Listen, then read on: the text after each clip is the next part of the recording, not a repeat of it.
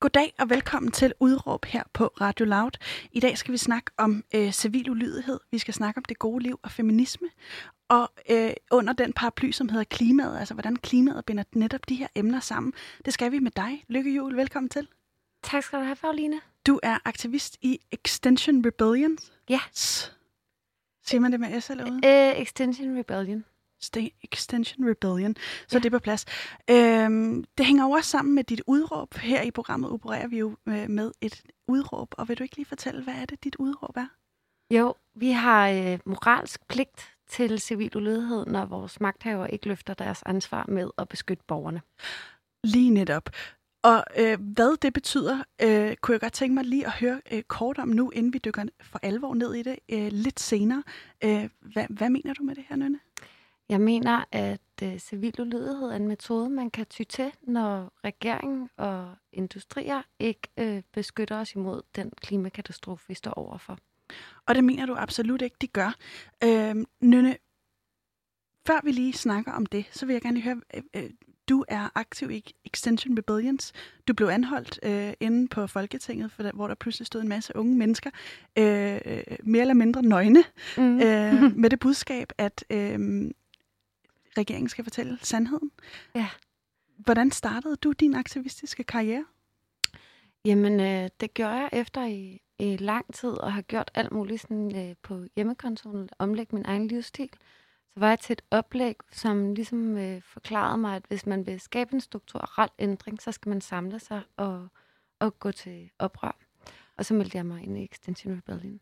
Og hvor lang tid har du været øh, øh, aktiv øh, politisk? Øhm, Aktivistisk? Øh, I godt og vel to år må det snart være. Extension Rebellion startede i Danmark i 2018, oktober 2018, og jeg har været med siden januar 2019. Og øh, hvorfor, hvorfor begyndte du at, at være aktiv på den her måde? Jamen, det er, fordi jeg mærkede en afmagt over for, at øh, regeringen, øh, politiske magter og industrier øh, har sådan en koloss, kolo, enorm øh, magt, som jeg på personlig plan ikke kan gøre noget ved. Men måden, jeg kan gøre noget ved det, det er ved at stille mig sammen med andre i fælles front og ligesom skubbe til, at, at de skaber nogle forandringer. Og øh, hvis vi lige øh, øh, holder lidt ved den her afmagt, altså hvornår blev du første gang bekymret for, øh, for klimaet? Kan du huske det? Mm, jeg tror ikke, jeg kan pege på et enkelt stående øjeblik. Det har ligesom været en, en, en rejse for mig øh, gennem de sidste 10 år. Ja. Øh, øh, jeg kan huske, at jeg i gymnasiet blev introduceret til klimakrisen, og det satte sig hos mig. Og i endnu højere grad blev jeg introduceret til de humanitære katastrofer, som fødevaremangel og, og naturkatastrofer øh, fører med sig. Og så tror jeg ligesom, det særligt de seneste fem år er blevet mere og mere udtalt for mig, at vores øh, levemåde har ret store konsekvenser rundt omkring i verden, og vil også have det for os. Og hvad for nogle konsekvenser har det haft for dig, altså siden du startede? Øhm, jeg tror, at man kan sige, at den konsekvens er, at når jeg først ligesom har set det her mønster af vores måde at leve på, så har jeg meget svært ved at slippe det igen. Øh, og den eneste måde, jeg ligesom kan, kan øh, få en ro i maven og en følelse af, af, af sådan håb, det er ved at gøre noget aktivt.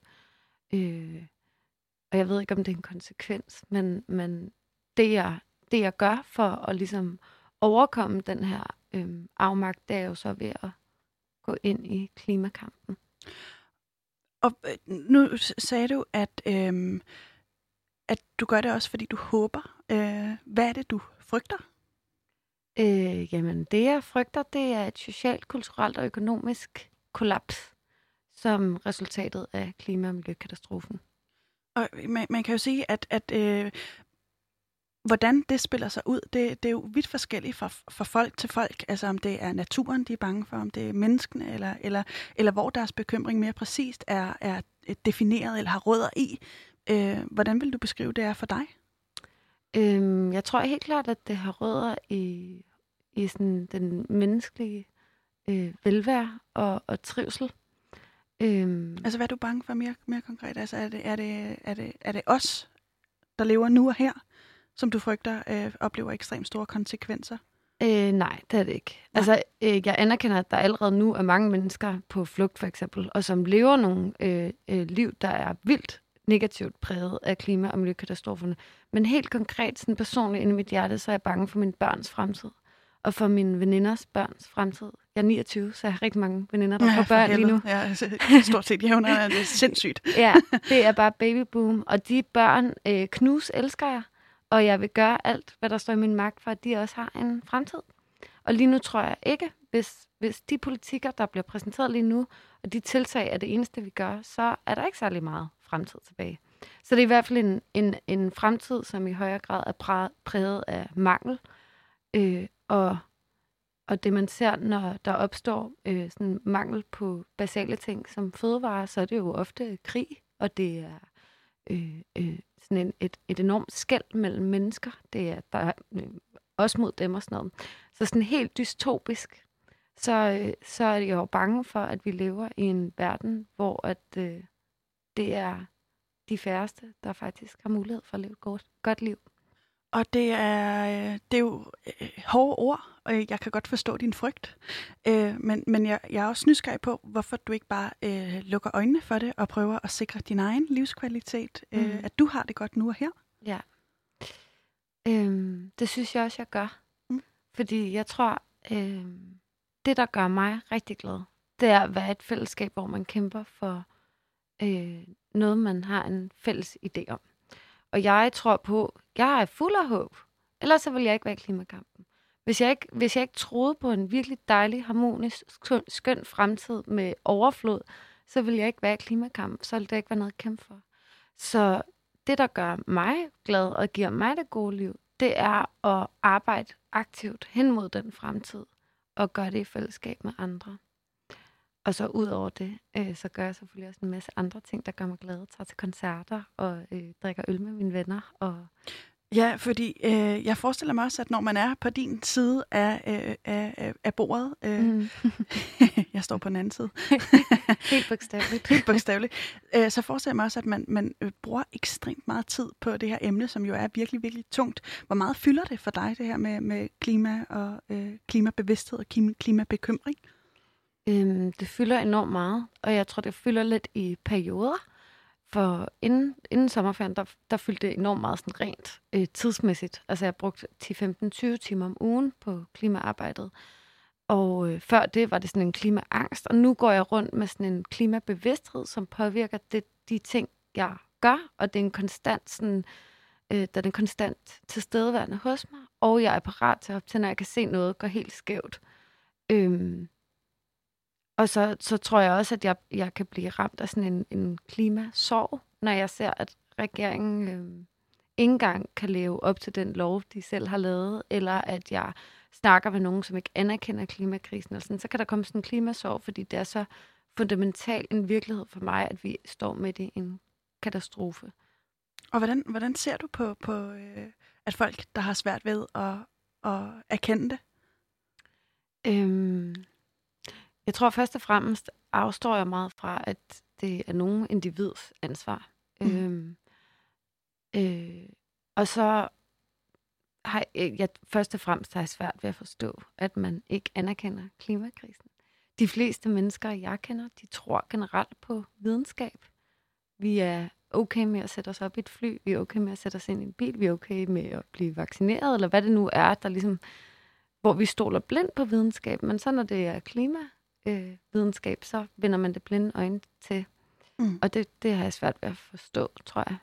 Hvor, øh, nu scrollede jeg lige igennem øh, mit Instagram-feed i går, hvor der var en, en, øh, en, en frygtelig nyhed. Jeg kunne se, jeg skimmede den, og jeg så, det var noget med klimaet, og jeg var lynhurtig til at hoppe ud af den igen. Øh, fordi at det, det simpelthen gør mig så deprimeret at, at kigge på.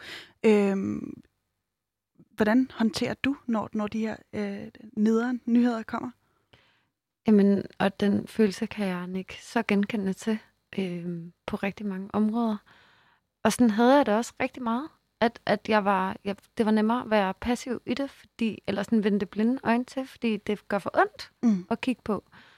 Men øh, til det vil jeg bare sige, så, så tror jeg, at det virkelig hjælper at melde sig ind i kampen og gøre noget aktivt sammen med andre, som spejler dine følelser og som, som spejler dit behov for handling fra nogle andre. Øhm, så jeg kan også godt finde på at scroll. Det er ikke, fordi jeg forholder mig til alle kriser, jeg møder. Altså, fordi så vil man jo ikke kunne komme igennem en dag, uden ligesom at have et nervøst sammenbrud. Øhm, men, men måden, jeg forholder mig til det på, er ved at anerkende, at det sker, og så parkerer jeg det, fordi jeg ved, at jeg gør det, jeg kan i klimakampen. Hvad, hvad, hvis man lige skulle sådan lave nogle nedslagspunkter igennem øh, din... Au, upsi, det var lige være vel klasset her. Store armbevægelser. øh, hvis man skulle lave nogle nedslagspunkter i din aktivistiske karriere, øh, er der så sket noget fra det startede, og så til, til der, hvor du er nu?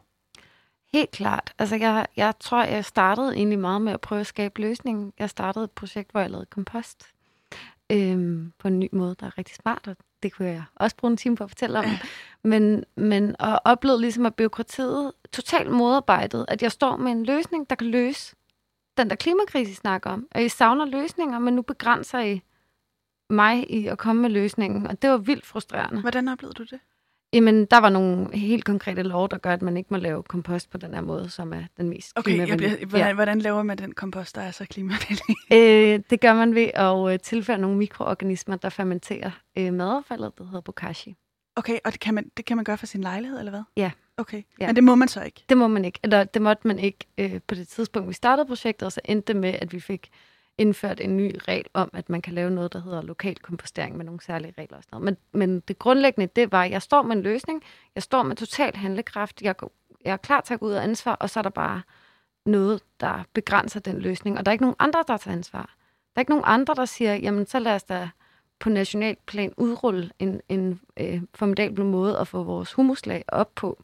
Humuslag? Det, det er en, et, et, det øverste lag i jorden, som er det, der giver vores afgrødenæring og sådan noget. Ja, nu bliver det meget nørdet. Men okay. der er ligesom ikke nogen andre, der går ud og beskytter vores jord, så det bekræftede mig bare i, der er i hvert fald, der er i hvert fald rigeligt af grund til, at jeg tager ansvar, for mm. der er mm. ikke no, nødvendigvis nogen højere magter, der gør det. Men det er æder, Peter Veltme, et kæmpe ansvar at tage på dine små skuldre. Altså, hvor gammel var du på det her tidspunkt, da du stod med de her kompostovervejelser? Øh, jamen, det er 26, 27, så. Ja, ja. men stadig? Mm.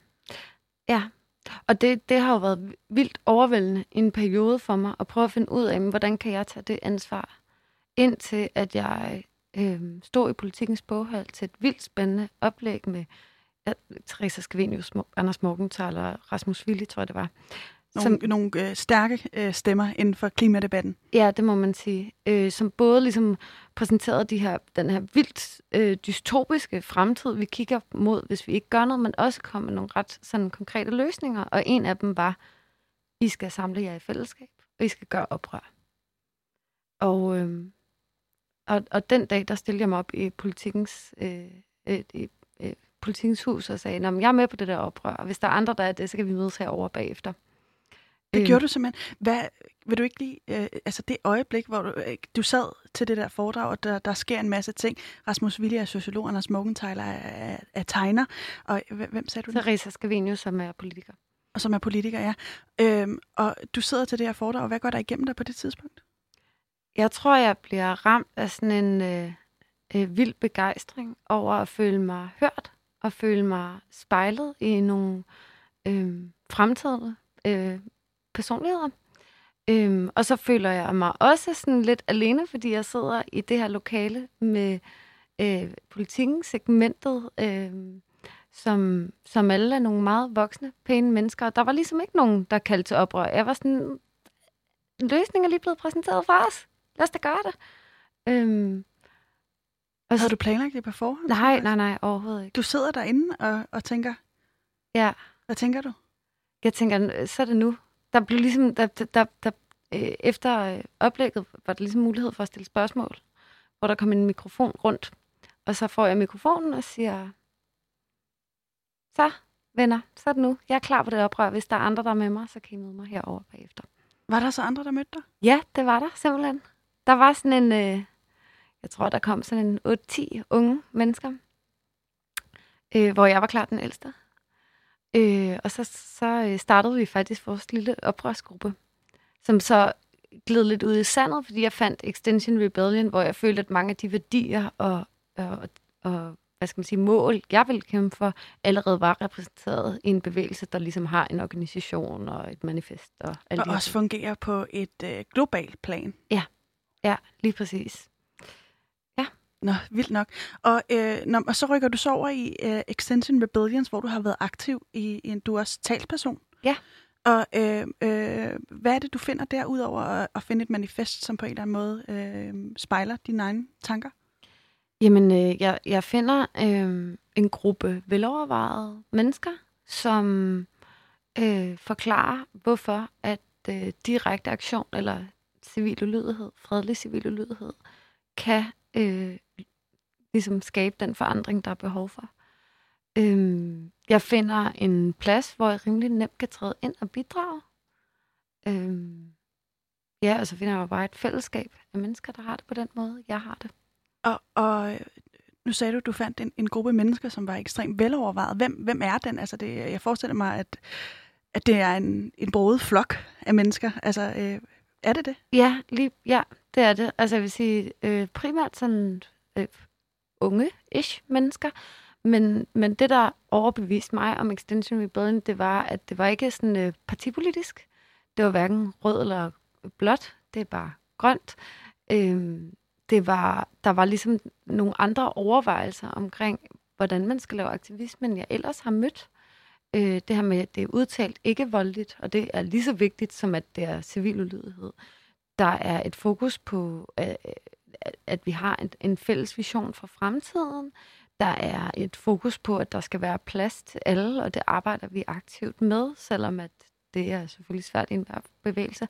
Så jeg føler ligesom, at, at mange af de ting, som jeg ser et behov for, at der skal være i fremtiden, var repræsenteret igennem Extension Rebellion. Og øh, hvis, hvis man lige skulle tegne en, en, et billede af, hvilke mennesker det er, der kommer der, altså det unge mennesker, er det, øh, er det fra alle samfundslag, eller hvordan er, det, øh, hvordan er repræsentationen der? Øhm, det er egentlig et godt spørgsmål. Altså, jeg vil sige helt generelt, at klimakampen ret akademisk. Øhm, men... Hvad vil det sige? øh, at det er mennesker, som er ret højt uddannet, øh, har universitetsuddannelser. Øh, Inklusiv dig selv egentlig? Jeg er uddannet kaospilot. Jeg ved ikke, om det tæller som... det er vist en mellemlang videregående. Du, eller... du kan i hvert fald godt lide kaos. jeg kan i hvert fald godt lide kaos. ja, øh, jeg ved ikke, hvor jeg ligger på den skala. Men, øh, Øh, men ellers så synes jeg faktisk, at vi er ret bredt repræsenteret, både sådan geografisk øh, og, og også aldersmæssigt. Altså størstedelen af gruppen er i de her slut 20'er, start 30'er, men der er også både under 18 og over 65. Og, øhm, ja. Så et, et virkelig bredt spektrum. Øhm, I, I afholder en, en, øh, nogle aktioner ja. øh, en gang om året, eller hvordan? Øh, vi har to store, øh, hvad skal man sige, oprør, kalder vi dem faktisk, to store oprør om året, og så har vi øh, sådan øh, aktioner løbende, mindre aktioner. Og øh, den, den seneste var for en måneds tid siden, kan det ikke passe meget godt? Øh, jo, jo, det skal nok passe. Hvor I, I, holdt en hel uge med demonstrationer, og vil du ikke lige øh, fortælle først, hvordan, hvordan er øh, en introen til, øh, hvad skal man sige, øh, start, øh, der hvor, det, der, hvor det begynder at spire? Altså, hvordan, hvordan forbereder I jer på sådan en øh, demonstrationsuge? Jamen, øh, vi ved, at der hvert år er et oprør i foråret og i efteråret. Og det er ligesom internationalt, at man øh, gør det. Så i vores organisation, så beslutter man sig for, hvilke datoer skal det være. Og så begynder man ligesom at undersøge, om, hvor skal vi ligesom slå ned, hvilke hotspots kan vi ligesom angribe for at få så meget opmærksomhed som muligt. Og så begynder man at udvikle på, hvilke aktioner det skal være, og hvem gør hvad, og hvilke materialer skal vi bruge.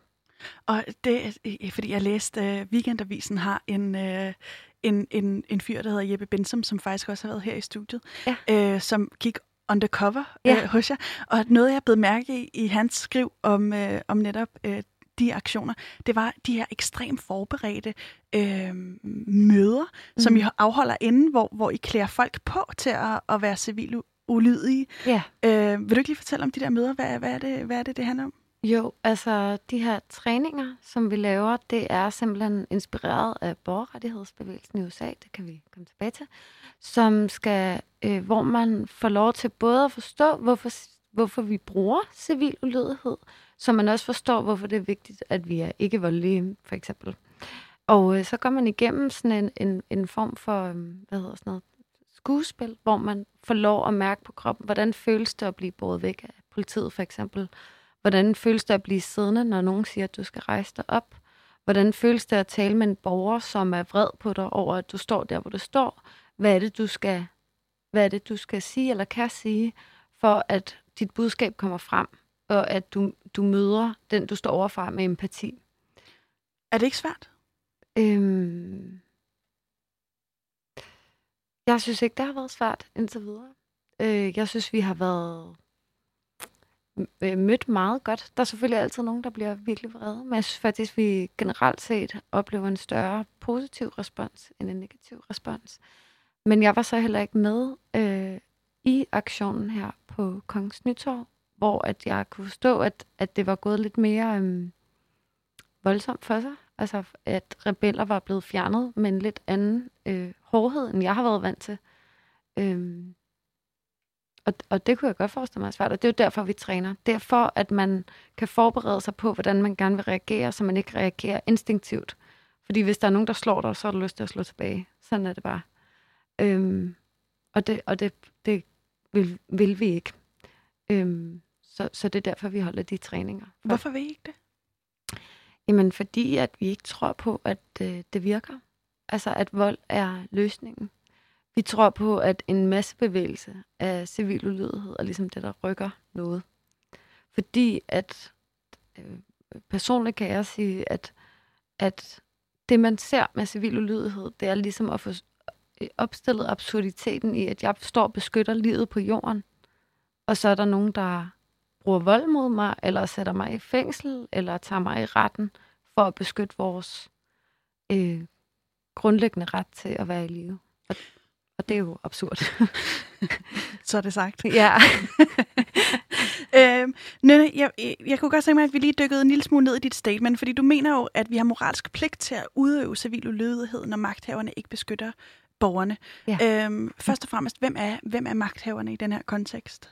Øh, jeg vil sige primært regeringen, den siddende regering, øh, også industrier. Øh. Og hvordan oplever det jo, du, at de ikke beskytter borgerne? Jamen, politisk kan man sige, der bliver ikke lavet nogen tiltag for at sikre, at vi øh, når den netto nul udledning, der er behov for. Der bliver ikke sikret, altså der bliver ikke gjort nogen øh, politiske tiltag for at sikre vores øh, overlevelse på biodiversiteten. Der bliver ikke gjort noget for at sikre, at vi i 2030 overhovedet når 70% reduktionsmålet. De har jo lavet et udspil. Ja, ja. Øh... og det siger de så nu. Så siger de så, for det første er 70 procent, det er uden øh, beregning på den, det hele Danmarks udledning. Og for det andet så siger de nu, at vi må vente på nogle teknologiske løsninger. Og, og videnskaben siger bare, at det, det, det, man kan ikke bare skyde det. Man kan ikke sige, at så fra 2029 til 2030, så øh, er det, skær vi med 70 procent, fordi på det tidspunkt, så vil skaden ligesom allerede være sket. Øhm, og, og det samme kan man jo sige om industrien, at, at, at de bliver ligesom ved med at søge og skabe økonomisk vækst på bekostning af jordens ressourcer. Øhm, ja. Og øhm, hvad er det... Øh Hvornår er, det, hvornår er det mere konkret, at du synes, at de her magthavere svigter? Jeg synes øh, virkelig, at det er tydeligt nu, lige nu, at øh, de svigter. For det første, så havde vi det grønneste folketingsvalg nogensinde. Alle partierne endte med at gå til valg på et grønt grundlag. Og, øhm, og så har de simpelthen de har nølet og nølet og nølet. Og så er de kommet med et udspil og fine ord og sådan noget, men der er ligesom ikke nogen handling bag ordene. Og nu kommer de så og siger, at vi kan ikke nå, det er ikke sikkert, at vi lige, altså, med de ressourcer, vi har lige nu, kan vi ikke nå det der 70% reduktionsmål. Så vi må lige vente nogle år. Og på samme tid, så kunne man se, at så kom øh, coronapandemien, og på et splitsekund, så kunne vi godt trylle alle de der mange milliarder frem, og vi kunne godt lukke landet ned, og vi kunne godt handle sådan med det samme. Så i lyset af en krise, det der viser for mig, det er, at i lyset af en krise, der kan vi godt handle. Vi kan godt finde pengene. Vi kan godt omstille os. Mm. Det gælder både regeringen, og det gælder sådan set også os andre. Så hvad er det?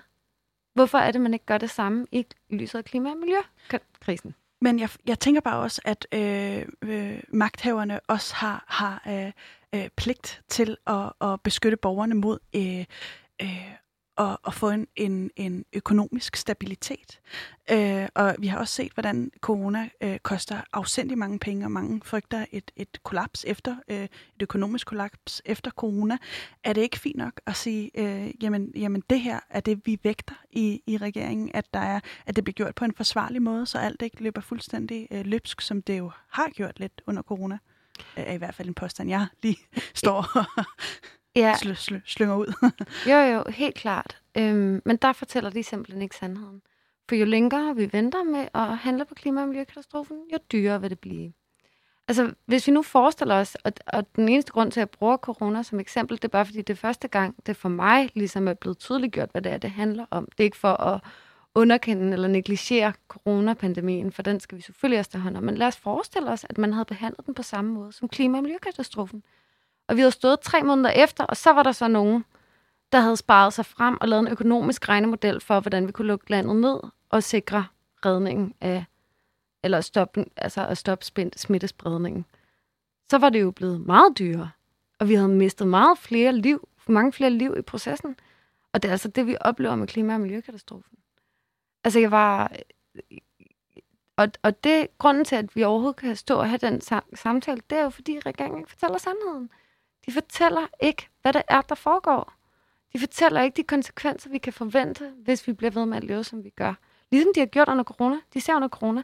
Hvis ikke I bliver hjemme, så vil smittespredningen øh, øh, eksplodere, og folk vil dø. Hvad er det, du gerne vil have, regeringen sagde? Jeg vil gerne have, at de erklæret en klima- og miljø-nødsituation. Øh, øhm, er det med de ord, og så er det gjort? Øh, nej, og så skal der selvfølgelig handling bag, så man erklærer en øh, nødsituation, og så siger man, okay, for at imødekomme den her nødsituation, så skal de og de tiltag til. Og sådan helt konkret for mig, så vil jeg bare sige, at den, altså, der skal ikke mere olie op af Nordsøolien. Der er ikke et fly, der forlader den her øh, grund, før at vi har fundet ud af, hvordan de kan gøre det øh, på en ansvarlig måde. Vi skal have etableret en helt anden måde at kalkulere vores vækst på og vores øh, folks øh, befolkningsvelbefindende. Ja. Det er virkelig, øh, det, det, det er virkelig også idealistisk, ikke? Jo. Øh. det er meget drastisk. det, er, det er super, super drastisk. Øhm, hvem er det, du føler, øh, magthaverne har pligt til at beskytte? Altså du siger øh, borgerne, øh, og det lever de ikke op til. Er det, er det, er det, er det alle borgere? Er det, er det nogle specifikke? Eller hvem, hvem er det, du ser øh, den her brode skar? Er det i Danmark? Er det i øh, rækker det ud over Danmark? Hvem, vil du ikke beskrive, hvem er den her øh, øh, betegnelse borger? Altså man kan sige, at sådan grundlæggende, så synes jeg jo, at Danmarks regering har pligt til at beskytte Danmarks borgere. Det er sådan meget snæversynet på en eller anden måde. Men, men vi indgår også i et fællesskab med resten af verden, og i resten af verden, og særligt i det globale syd, der er der øh, mennesker, der dør og flygter som resultat af klima- og miljøkatastrofen. Mm. Øhm, og det, man skal forstå, det er, at når krise rammer, så vil det jo altid være de dårligst stillede, der betaler prisen. Øhm, både øh, på internationalt plan, men også i Danmark. Det er dem med færrest midler, og det er dem, der i forvejen er lavest stillet, der vil opleve konsekvenserne først. Og, øhm, og, og for ikke at tale om vores øh, kommende generationer, som endnu ikke har en stemme, og som ikke har noget at skulle have sagt. Øh, og dem, der ikke har stemmeret lige nu, de børn, der ikke er født, dem, der lige er blevet født, de har intet at skulle have sagt, og det er dem, der vil betale prisen. Det ville også være øh, problematisk, hvis nyfødte børn havde, havde jo. noget at skulle have sagt. Jo, jo, jeg vil jo, i hvert fald jo. gerne se, hvordan det jo. kom til udtryk. Ja. Men, but I get the point. Ja. Øhm, Nynne, borgerne har moralsk pligt til at, til at lave den her civil ulydighed. Vil du ikke lige fortælle moralsk pligt? Hvad er det, du, du mener med det? Jo, altså det handler i grundlæggende om at beskytte øh, nogle værdier, øh, som nogle fælles værdier, som jeg ser, vi har i Danmark. Øh, og øh, når, når vi går til demokratisk valg, det kan man jo sige, det, det, det skulle være argumentet for ikke at bruge civil ulydighed. Det er, mm. at vi har et demokrati, og vi går til valg og sådan noget. Men når vi så går til et demokratisk valg, og politikerne stadigvæk ikke lytter til det, der bliver sagt under et valg, så, øhm, så må jeg ligesom minde dem om, hvad deres opgave er. Øhm, Som borger. som borger, ja. Øhm, og jeg, jeg har, øh, man kan beskrive det på den måde, at når, når man ligesom har set, at der er noget galt i et system, så, så synes jeg, man skal påpege det. Og øh, kan man ikke også argumentere for, at det er en, en moralsk pligt som borger i et samfund, at man spiller med de spilleregler, som er tilgængelige, altså øh, øh, ordets vej, og, og ikke laver civil ulydighed, eller hvad? Jo, men civil ulydighed er et, er et værktøj, jeg griber til, fordi alle andre muligheder er udtømte. Jeg har stemt ved valget, jeg har underskrevet på underskriftsindsamlinger, jeg har selv prøvet at komme med løsninger, jeg har været i dialog, vi har skrevet klummer. Det har vi gjort i 30 år. Lovlige demonstrationer, klummer efter klummer, videnskabsfolk, der går sammen og pointerer, hvad det er, vi står i, og der sker ikke en dyt. Og, og, og jeg vil da synes, det var rigtig rart, at jeg ikke behøvede at lade mig arrestere. At jeg ikke behøvede at gå på gaden og forstyrre den, alme, den, alme, den almindelige borger. Men nu er vi nået hertil, hvor at de andre løsninger er udtømt, og de virker ikke. Så må man jo gribe til det værktøj, man har. Og det er simpelthen civil ulydighed. Lønne, hvor langt vil du være villig til at gå øh, i klimaets navn?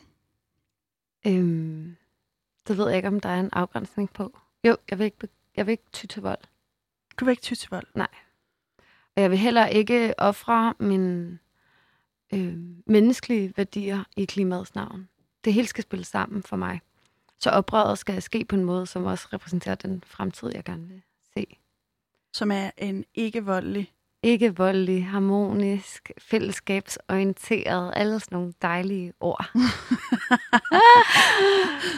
okay.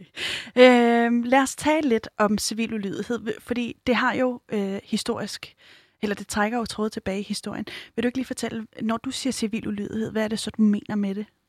Øh, jo, det, man kan også kalde det for ikke-voldelig direkte aktion, og det er, når man øh, øh, prioritere ens egne moralske værdier over øh, lovens rammer, øh, og bevidst bryder loven for at pointere, at øh, den ikke er moralsk.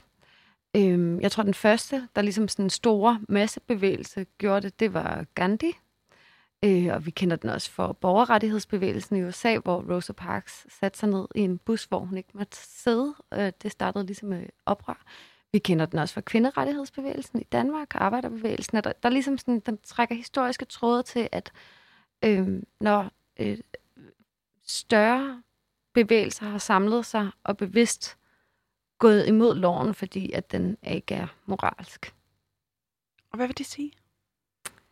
Øh, det vil jo sige, at, at loven ikke sikrer, øh, at sikre befolkningens, øh, og ligesom øh, tilgå be- befolkningens interesser øh, og vel og ved. Øh, så når kvinder ikke måtte stemme, for det sagde loven, det var fuldstændig uhørt at snakke om, at kvinder måtte skulle have stemmeret. Men der var der nogle, nogle kvinder, der kunne se, at det, det kan da ikke være rigtigt. Det er da ikke, det er da ikke fair. Det er ikke retfærdigt, at jeg ikke må stemme. Så derfor så bruger jeg min, min ret eller min pligt øh, til at pointere, at jeg har en anden rettighed, end den, der bliver givet udtryk for igennem loven. Og er der grænser for, hvad, hvad civil øh, ulydighed kan være, eller skal være et, et, øh, et resultat af? Altså er der, er der simpelthen en konflikt, der vil være for lille til at sige, okay, her nytter det ikke noget at bruge civil ulydighed? Eller, eller er der sådan en spærregrænse, som du ser det? Øhm, jeg tror, at for mig afhænger det af, at det skal kæmpe for en, en fælles værdi for samfundet. Øhm, jeg vil ikke bruge civil ulydighed til at stjæle en juice, fordi jeg synes, den var for dyr, for eksempel. Fordi at det kommer bare mig til gode. Eller sådan. Mm. Øhm, men at det har en generel værdi for hele befolkningen. Har det også noget at skulle have sagt, hvem man ligesom øh, prøver at, og, øh, øh, får til at vågne op, kan man vel sige. Øh, fordi hvis, hvis du gør noget, jeg, jeg synes, der er øh, ganske frygteligt, øh, så, så, så nytter det vel ikke, at jeg øh, øh, øh, begynder at bedrive selvtægt, eller hvad? Nej, nej, det er klart. Altså, jeg tror, øh, det er en strukturel ting, øh, som... Mm, ja, altså, jeg ved ikke, om man kan beskrive det på så mange andre måder, men det skal være en masse bevægelse, der arbejder mod en højere strukturel magt eller mm. instans. Så nogen, der på en eller anden måde er i magt. Øh, tror du på, at det virker, det her civil ulydighed? Ja, det gør jeg, helt klart. Vil du ikke beskrive, hvorfor? Jo, altså øh, for det første kan man sådan helt historisk se, at det er noget af det, der har øh, skabt forandringer her i verden. Og det er selvfølgelig svært at skille alt ad, og hvad var voldeligt, og hvad var ikke voldeligt, og hvad var underskriftsindsamlinger, men det har været en ingrediens i mange forandringer som borgerrettighedsbevægelsen og øh, øh, kvinderettigheder. Og Hvordan har vi set for eksempel ved borgerrettighedsbevægelsen? Hvordan har man så set øh, resultaterne af den civil udlydighed, som du ser det? Jamen altså, det man gjorde øh, under borgerrettighedskampen, eller sådan, det var jo, at, at, at sorte mennesker gik ind på en café og satte sig øh, et sted, hvor de ikke måtte sidde. Og øh, så enten så fik de lov at sidde, og det er jo så kampen vundet der, eller også så øh, blev de udsat for alskens vold og uretfærdig behandling, hvilket tydeligt gjorde øh, uretfærdigheden eller uligheden, øh, og som jo skaffede øh, sorte rettigheder i USA. Ja. Og hvad, hvad med de andre bevægelser? Er, er det øh, øh, med dine briller på, er det øh, så synligt, at for eksempel med kvinde, øh, kvinderettigheder, øh, er det så synligt, at civil ulydighed har været en, en positiv faktor i den bevægelse? Ja, altså nu kender jeg selvfølgelig ikke hele historien, men, men grundlæggende vil jeg sige ja, at det startede, øh, kvinderettighedsbevægelsen startede med at udfordre loven. Øh, og det betød, at vi fik stemmer. Hvordan udfordrede den loven? Øh, jamen, de øh, etablerede sig i grupperinger, der, der ligesom krævede nogle andre ting. Krævede, at, øh, at kvinder skulle være ligestillet med mænd. Krævede en stemmeret. De gik ind på valgsteder og hængte plakater op, hvor der stod, at, at, at Danmark er ikke lige før kvinder kan stemme, eller noget af den dur. Jeg kan ikke lige huske det præcist. Og, og ligesom fandt fodfæste på en anden måde. Og øhm, hvis man skal, hvis man skal sige, sige det lidt, øh, lidt banalt, som jeg prøver på øh, mm. at undgå, men måske nok kommer til det alligevel, så er øh, det her med civil ulydighed jo på en eller anden måde toppen af isbjerget. Fordi som du ser det, så er der en, en større forandring, øh, en kulturskifte, der ligesom skal til. Øh, vil du ikke lige prøve at forklare, hvad er det, du mener med det? Jo, altså helt personligt, så tror jeg jo på, at at, at hvis vi skal skabe en reel forandring, så skal vi skabe vores måde, eller ændre vores måde at evaluere succes på. Lige nu der er vi en afgrøft, fordi at den eneste, øh, det eneste parameter, vi ligesom kan måle på, det er økonomisk vækst. Hvor meget tjener vi? Øhm, og det er en, en meget lille del af de ressourcer, vi har tilgængelige i verden. Vi har øh, jordens ressourcer, vi har sociale ressourcer, vi har kulturelle ressourcer, og alt det bliver der ligesom ikke evalueret på, når man kigger på et lands BNP. Øhm, så jeg tror, at det her med at, at, at bruge klimakampen som en løftestang til at få skaffet nogle strukturelle ændringer, også kan opnå større retfærdighed. Det kan opnå øhm, øh, sådan større harmoni, også borgere iblandt. Hvorfor, mindre. hvorfor kan det det? Øhm, fordi man begynder at veje nogle andre værdier. Altså, vi lever en, en enorm sådan øh, konkurrencedrevet, øh, individu, individpræget, ja. øh, økonomisk orienteret kultur, som jeg mener øh, hæmmer vores personlige vækst og vores kulturelle vækst som mennesker. Jeg tror ikke, der er nogen af os, der trives allerbedst, når vi arbejder 60 timer om ugen for at betale af på et lån. Jeg tror, vi trives meget bedre, når vi har tid til at være sammen, når vi øh, dyrker et andet fællesskab, når vi øh, forst- har, har giver os tid til at forstå maden, vi spiser, når vi øh, dyrker naturen på en anden måde. Når der er tid til nogle andre ting, end at tjene penge. Og hvorfor tror du, det er vigtigt at have tid til andre ting, der tjener, heller end det at tjene penge? Jamen, det er jo sådan noget med at være et opfyldt øh, menneske, og være et øh, lykkeligt menneske. Hvad er menneskets lykke består af. Og jeg oplever i hvert fald ikke, at det består af at tjene en masse penge. Det giver en økonomisk sikkerhed.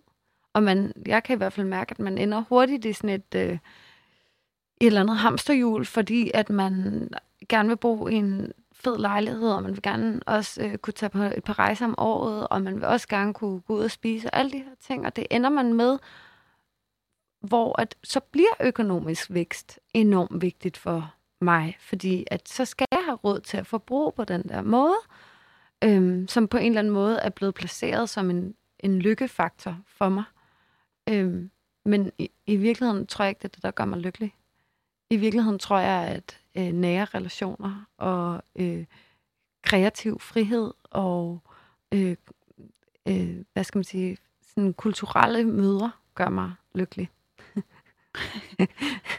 og hvis jeg, hvis jeg bare lige må, spørge ind til det også, altså fordi, hvorfor tror du, at det lige netop er de ting, der gør dig lykkelig, og ikke den her, øh, at det lyder jo sindssygt banalt, når jeg spørger ind til det på den her måde, men jeg kunne bare godt tænke mig, at du foldede det en lille smule mere ud. Mm. Øh, hvorfor, hvorfor gør det dig ikke lykkelig at, at tjene penge på den måde? Mm, det ved jeg ikke, om jeg har et, et, et sådan banalt og ordentligt svar på, fordi det er jo... Jeg føler bare ikke, at, at penge til gode ser mit menneskelige behov for opfyldelse, eller sådan for, øhm, for at føle mig hel, og for at føle mig imødekommet af verden. Du abonnerer ligesom på den her mere holistiske tilgang til, øh, eller holistiske øh, verdensorden, kan ja, man ligesom ja. sige. Æh, på hvilke parametre er det, du, du gerne vil se øh, holismen? Øhm, jamen, sådan set på det hele, tror jeg. Men jeg tror, jeg kunne godt tænke mig, at vi øh, som udgangspunkt, hvis jeg skulle gøre det helt konkret, havde en statsøkonomi, der vurderede på flere parametre end øh, penge. Fordi det hænger jo sammen med øh, det, du også lige var inde på, øh, idealerne for det, for det gode liv. Ja. Øh, hvordan er det, du ser idealerne på nuværende tidspunkt øh, for det gode liv? Jeg tror, at øh, de er skabt ud for, jeg kunne kalde det sådan nogle meget maskuline værdier om øh, individuel vækst, øh, konkurrence, øh, at blive øh, ligesom den her helte, øh, heltemodel, hvor der er nogen, der klarer sig rigtig godt, og det, det er en succes og, og en, en inspiration. Og, og modsat kan man sige, at vi kan også klare os godt i fællesskab, og vi kan skabe sammen og øh, have en anden form for empati for vores medmennesker, som ikke er afhængige af, at de kan give os noget, men som er afhængige af, at vi kan skabe noget sammen. Fordi hvordan er det, du ser øh, dine idealer for, for det gode liv? Hvordan, hvordan står de i kontrast til det, du lige har beskrevet der? Øh, jamen, mine idealer står i kontrast på den måde, at jeg i langt højere grad vil vurdere succesen ud for, hvordan fællesskabet klarer sig, frem for hvordan individet klarer sig. Og hvordan, og, og hvordan de klarer sig, er ikke bare vurderet på, hvad der står på deres bankkonto, men også vurderet på, hvordan deres psykiske og fysiske helbred har det, og øhm, ja, om de kan udleve deres drømme, og om øh, de føler sig sikre og trygge i deres situation. Hvordan hænger det sammen med, altså fordi vi, nu har vi været inde på civil ulydighed, og vi har været inde på, hvordan øh, det ligesom kan være en, en, øh, et afled af, af, af, af den klimakatastrofe, som vi øh, står overfor. Øhm, og det hænger på en eller anden måde sammen med det tredje ben, i din optik i hvert fald, som er feminisme. Mm. Og du har været lidt inde på det med det her med maskuline og feminine værdier, men vil du ikke lige beskrive sammenhængen mellem de tre øh, sådan, hovedpæle, som du ser det? Jo, altså jeg tror, at øh, det moderne ord, det er øh, interkulturel, øh, som er, at jeg tror ikke på, at vi kan vinde klimakampen, uden også at vinde øh, kvindekampen og racekampen og LGBT plus kampen. Hvorfor ikke? Øhm, fordi at det, vi kæmper i bund og grund for menneskerettigheder, menneskers ret til at overleve. Og det sker jeg kan ikke se en fremtid for mig, hvor vi har vundet klimakampen, men hvor at der er alle mulige andre mennesker, der stadig, eller alle de samme mennesker stadigvæk er undertrykte. Øhm, og det hænger jo sammen på den måde, som jeg også nævnte tidligere, at klimakatastrofen vil først og fremmest gå ud over dem, som er lavt, lavt stillet i forvejen. Og det er øh, ja, de grupperinger, som, som vi kender, som er kvinder og LGBT øh, plus folk, det globale syd, øh, mennesker med en anden hudfarve, øh, handicappede, alle de her øh, grupperinger, minoriteter, som i forvejen er øh, står lav, lav stillet. Øh, så, så på den måde så er det vigtigt for mig ligesom at føre klimakamp med en bevidsthed om, hvilke andre kampe jeg også kæmper for, mm. og hvilke andre, altså hvilke mennesker er det, jeg kæmper for, og med det værdisæt ligesom føre klimakamp. Fordi skal øh, sexisme-snakken og, og feminisme ikke kun redde øh, de kvinder, som bliver krænket, skal det også i virkeligheden redde klimaet, som du ser det? Øhm, jeg tror helt klart, at hvis vi overvinder den ene kamp, så hjælper det den anden. Hvordan? Øhm, jeg tror, at jo større og bredere repræsentation af det feminine, vi kan få på økonomiske modeller i ledelsesposter, øh, på øh, blandt politikerne, desto mere vil man også kunne tilgodese klimaet, fordi at klimaet altså bedst trives, når økonomisk vækst og konkurrence ikke er øh, grundelementerne i vores økonomi. Som er det, der på en eller anden måde, øh, øh, i hvert fald traditionelt set, er blevet set som det maskuline. Ja. Så vi skal simpelthen have nogle, nogle flere øh, øh, feminine værdier øh, anerkendt i det samfund, vi lever i, så det bliver på en eller anden måde mere øh, holistisk, øh, så man tænker flere parametre ind. Forstår jeg det rigtigt? Ja, fuldstændig. Ja. Øh, og når du så i starten siger, at, at du faktisk har en, en ret høj livskvalitet, selvom du beskæftiger dig så meget med klimaet, øh, hvad vil du så pege på som årsagen til det? Øhm, at jeg har fundet de rigtige fællesskaber. Helt klart. Jeg har fundet et sted, hvor jeg føler mig spejlet og set, hvor der er plads til, at jeg kan udfolde mig som det menneske, jeg har lyst til at være. Jeg har både i klimabevægelsen, i mine vennegrupper, på min arbejdsplads, har jeg ligesom fundet nogle steder, der tillader, at jeg kan gøre det. Øhm, ja. Så hvis jeg forstår det rigtigt, så, så har du, har du skruet dit liv sammen, sådan så du øh, på en eller anden måde hele tiden arbejder hen imod noget, der er øh, større, og på en eller anden måde mærkes rigtigt? Er det, øh? ja, fuldstændig, ja. Og vil du ikke lige beskrive, hvordan, hvordan er det, øh, dit liv så er struktureret øh, på, på baggrund af det? Altså, hvad, hvad er det for nogle overvejelser, du gør dig i din hverdag? Hvordan, øh, fordi det hænger jo ikke rigtig sammen med de idealer, som er, som er meget med vækst, og du skal have den rigtige lejlighed, du skal have den rigtige taske, og alle de her ting, øh, som er øh, øh, målbare. Og, øh, mm. øh, ja, på ja. den måde. Afhænger meget af vores forbrug. Ja. Øhm, altså, jeg bliver enormt lykkelig, jo mindre jeg forbruger. Jo mindre jeg forbruger, desto gladere bliver jeg. Det er ligesom en opdagelse, jeg har gjort mig. Det er ikke sikkert, det er sådan for alle, men det har ligesom givet mig en frihed. Øhm, så kan jeg godt stadigvæk have lyst til at købe en lejlighed. Altså, fordi jeg gerne vil have et fast sted at bo. Øhm, men, men jeg er langt mere fokuseret på at skabe et trygt rum for mig selv, end jeg er at købe en lejlighed, der kan give mig økonomisk vinding. Øhm, jeg er også mere fokuseret på at finde et arbejde, der giver mig glæde og værdi, end et, der giver mig en masse millioner. det, det kan jeg ikke påstå, jeg tjener lige nu. Selvom du faktisk har et, et fuldstændig vaskeægte øh, voksenjob. Ja, borgerligt arbejde. Ja. Simpelthen. Simpelthen. ja, ja.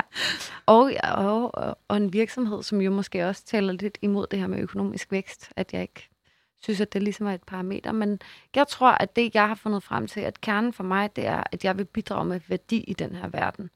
Øhm, og den værdi, den kan øh, øh, både øh, bidrage med gennem mine personlige relationer, jeg kan bidrage med den gennem min aktivisme, og så skal jeg selvfølgelig også have et arbejdsliv, hvor jeg føler, at jeg, jeg lever op til den værdi, jeg gerne vil skabe. Og jeg skal bare lige forstå, er det feministisk? Det, det tror jeg, jeg synes. ja, det synes jeg, det er. Øh, fordi at, at, at, hvad skal man sige, de, de, de maskuline værdier, de fortæller os, at vi skal arbejde for at tjene en, en masse penge. Vi skal arbejde for at opnå en eller anden påstået succes. Øh, vi skal arbejde for at øh, fodre øh, en kapitalistisk øh, pengemaskine. Men hvis jeg i stedet for siger, Mm, nej, det vil jeg ikke. Jeg vil fokusere på, hvad der gør mig glad. Jeg vil følge, med, følge min intuition. Jeg vil øhm, øh, fokusere på, på mine personlige relationer og sådan noget. Så er det jo at træde væk fra nogle af de maskul- maskuline værdisæt, som driver værket på en eller anden måde. Øh, øh, men øh, Nynne, vi skal jo starte et sted, og vi har ja. fem minutter tilbage. Ja.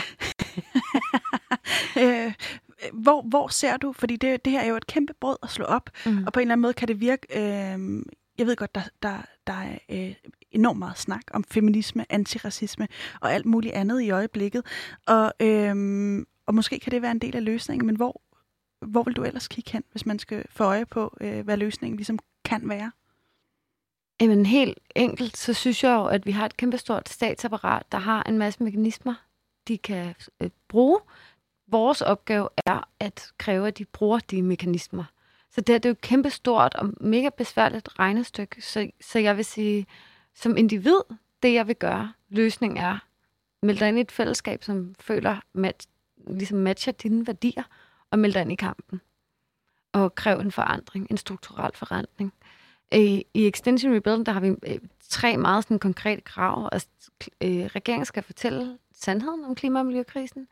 De skal arbejde mod netto nul udledninger i 2025, og så skal der etableres et øh, juridisk bindende og nationalt borgerting, som repræsenterer, det er en af de løsninger, jeg tænker, der kan være på at ligesom fagne alle de her øh, kampe i en, det er at få repræsenteret borgerne som en reel magt i regeringen, der skal guide politikerne i, hvilke løsninger de skal implementere for at opnå de her øh, netto nul udledninger i 2025. Og det er jo ligesom på den politiske skala, men på mm. individets skala, altså også det her forestilling om det gode liv, og en masse af os sidder, øh, sidder lidt fast måske, mm. eller øh, i hvert fald er enormt øh, identific- eller, identificeret med, med, med, den, med, det, med de idealer af det gode liv, som eksisterer på nuværende tidspunkt. Mm.